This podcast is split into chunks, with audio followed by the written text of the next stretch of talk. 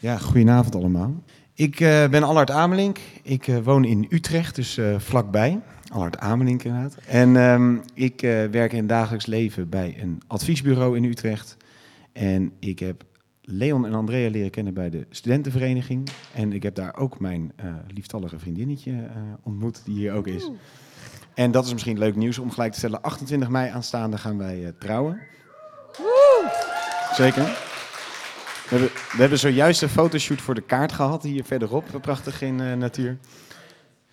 Het feest, ja precies. In Utrecht, in Utrecht. Dus eh hartstikke leuk. En heel leuk om hier te mogen zijn eh, vanavond. En ik wil jullie graag iets gaan vertellen over wat nou je maakt tot wie je bent. Super, ja, dan is nog steeds de microfoon voor jou en uh, maken we het goed van. Dankjewel.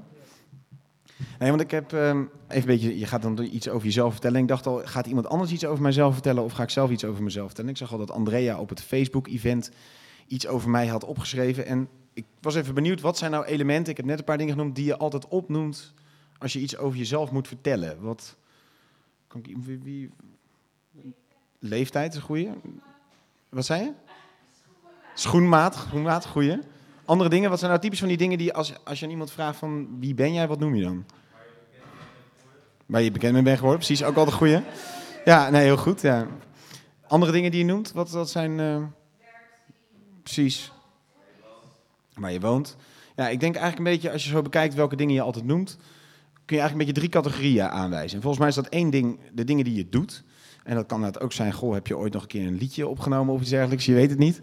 Eh, maar ik zei net aan het ook al, joh, ik heb een baan en dat is natuurlijk iets wat belangrijk is. Of je, je studie of eh, school waar je heen gaat. Een van die dingen, echt de dingen die je doet zijn belangrijk. Vaak beschrijf je ook de dingen die je hebt. Nou, ik heb een vriendin, ik woon in Utrecht, dat suggereert dat ik daar een huis heb. Dus je, hè, je benoemt de dingen die je hebt. En ik denk dat als je vaak nog een andere dingen die je noemt, dan zeggen ja, vrienden noemen me altijd wel eh, kritisch en sympathiek, maar ook een beetje lui, weet je, zulke soort dingen. Dus je schrijft ook iets wat anderen van je vinden.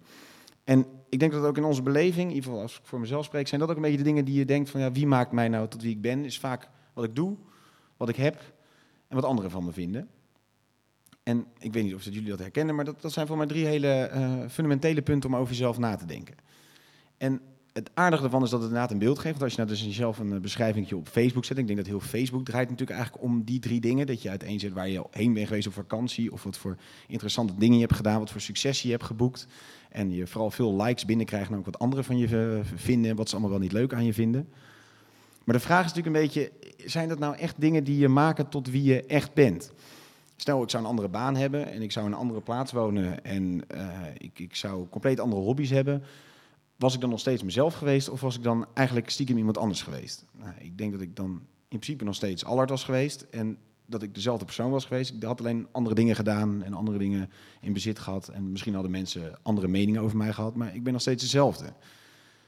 En toch merk ik, en ik weet niet of u dat, gaan we straks denk even kijken of jullie dat ook herkennen, ehm, dat die drie dingen toch enorm bepalend zijn voor wat je nou eigenlijk over jezelf denkt. En dat je daar ook een beetje jezelf aan afmeet wat je succes is.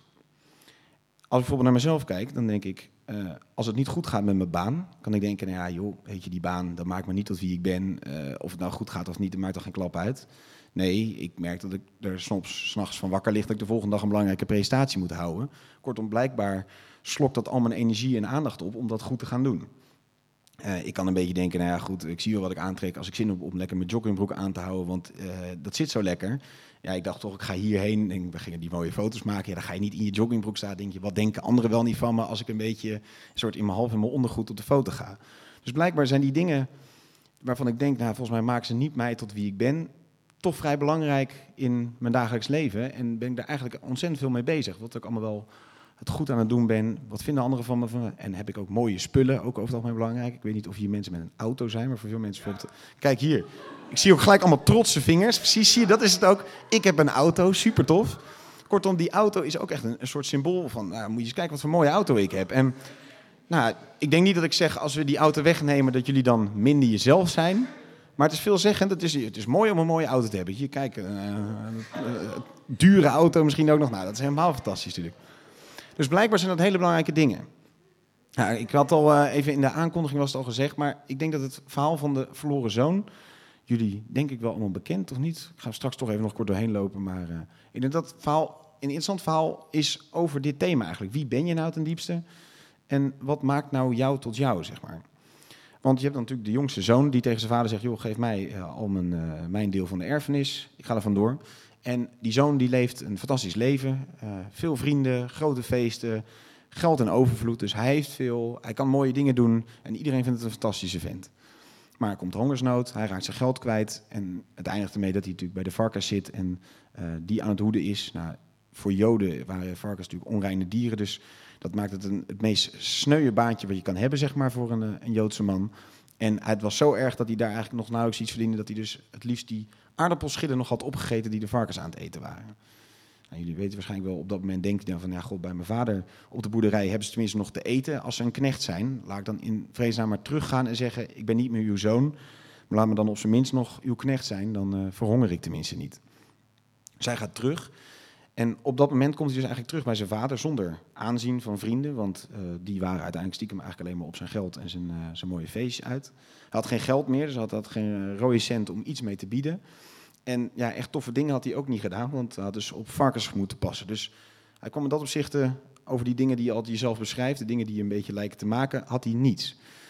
En toch, nou, het bekendste onderdeel van het verhaal, komt hij thuis en daar, zijn vader staat er op de uitkijk en rent hem tegemoet en sluit hem in zijn armen. En nog voordat hij zijn zin heeft kunnen zeggen van ja, ik moet eigenlijk niet meer uw zoon zijn, kan ik niet een knecht zijn, heeft die vader al gezegd, je bent mijn zoon en schuift een mooie ring aan zijn vingers en eh, doet een, eh, een kleed om, of wat is het, een eh, cape en slacht een lam en het wordt één groot feestmaal. Want hij zegt, mijn zoon was dood, maar hij leeft weer. En nou, volgens mij is, maakt dat duidelijk wat eh, het volgens mij in de kern omgaat. Namelijk al die dingen die wel heel boeiend zijn en persoonlijk mijn energie altijd optrekken. eh, en waar ik het idee heb dat ik dat ben, namelijk mijn baan of de mooie spullen die ik heb of wat anderen vinden, de mening van anderen. Die zijn wel interessant, maar zijn eigenlijk volslagen overbodig. Want die maken mij niet tot wie ik ben. Nee, dat blijkt uit het verhaal van die verloren zoon. Wie die zoon nou ten diepste is, is zoon van die vader. Hij heet ook het hele verhaal lang de verloren zoon. Dus blijkbaar is zijn diepste wezen is dat hij zoon is van de vader. Nou, dat geldt denk ik ook voor ons, voor mij persoonlijk. Dat het verhaal is dat wij sowieso een geliefd kind van God zijn. Dat is wie we ten diepste zijn. En al die andere dingen zijn dingen aan de buitenkant. Dus mijn baan is leuke bijzaak. Ten diepste ben ik kind van God.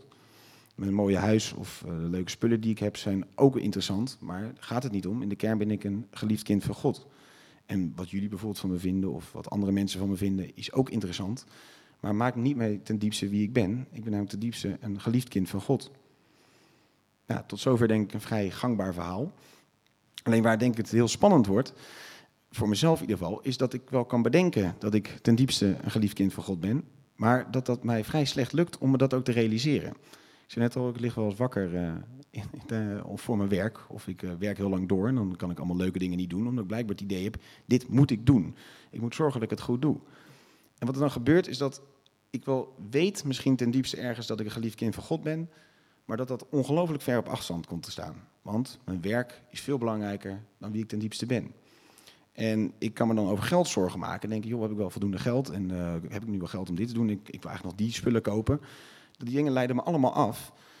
En waar ben ik dan niet meer mee bezig? Dat ik ten diepste een geliefd kind van God ben. En als ik bijvoorbeeld me heel erg druk maak over wat jullie nu vinden van dit verhaal, of wat ik mijn collega's van me vinden, dat kan, maar dat houdt me enorm af om, daar kan ik nog een week van wakker liggen desnoods, maar dat houdt me dan enorm af van waar het in de kern om gaat. Namelijk dat ik een geliefd kind van God ben. En wat volgens mij nu even interessant is om voor jezelf naar eens na te denken. Wat zijn dingen waar ik me eigenlijk het meest druk over maak in mijn leven? En hoe verhouden die zich tot die drie punten die ik noem? Wat je hebt, wat je doet en wat anderen van je vinden. Iedereen er even kort over nadenken. Wat, die, wat zijn nou dingen die jou het meest altijd voor ogen staan?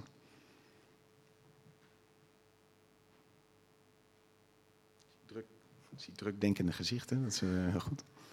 Heeft iemand al iets waarvan die zegt, ja, dat is nou eigenlijk iets waar ik me altijd erg over druk maak? Of als ik s'nachts wakker lig, lig ik daar en daar van wakker? Of...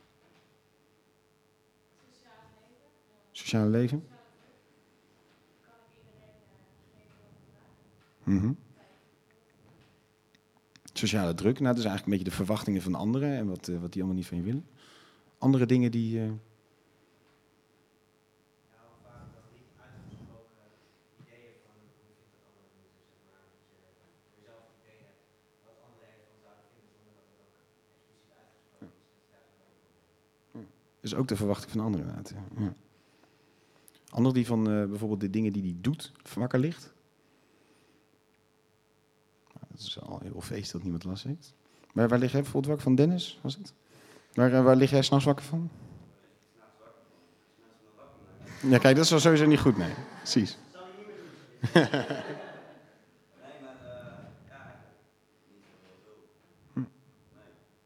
Nou, dat is eh, goed. Want ik denk dat inderdaad de liefde van de vader, het feit dat je geliefd kind bent, dat is de basis. Eh, daar komen we allemaal vandaan. Ik denk dat dat een enorm fundamenteel punt is, wat veel meer ons moet gaan doorleven.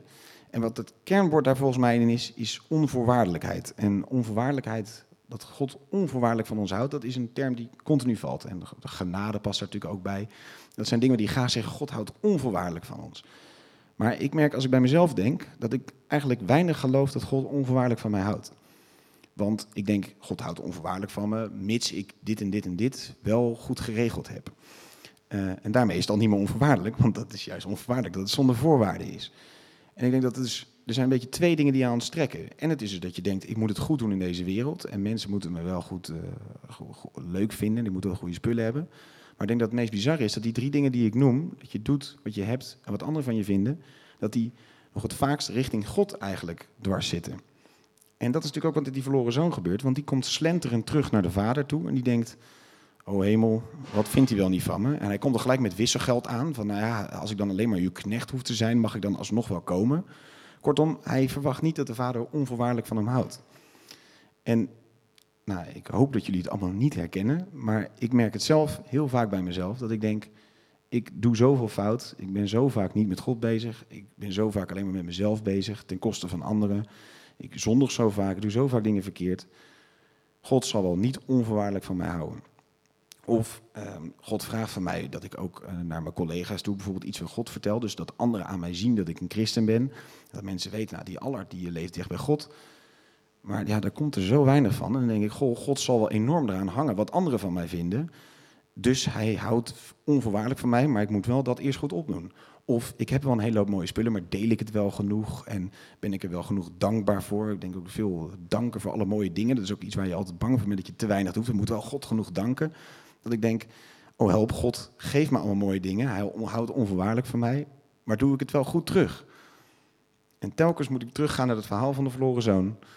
God houdt onvoorwaardelijk van mij. Dus niet alleen naar de anderen toe, maar ook naar God toe mag ik echt met lege handen komen. En wil hij mij en jullie allemaal ook uh, dolgraag in de armen sluiten. Dus wie ben ik? Uh, ik heb ooit een keer een uh, heel stom YouTube-hitje gemaakt. Ik heb een hele interessante baan. Ik heb een leuk huis. Ik heb een leuke vriendin. Ik heb allemaal interessante vrienden. Ik heb mooie spulletjes. Maar al die dingen maken me totaal niet wie ik ben. Want als dat allemaal op een dag wegvalt, ben ik nog steeds wie ik ten diepste ben. En dat is een geliefd kind van God. En dat zijn jullie ook.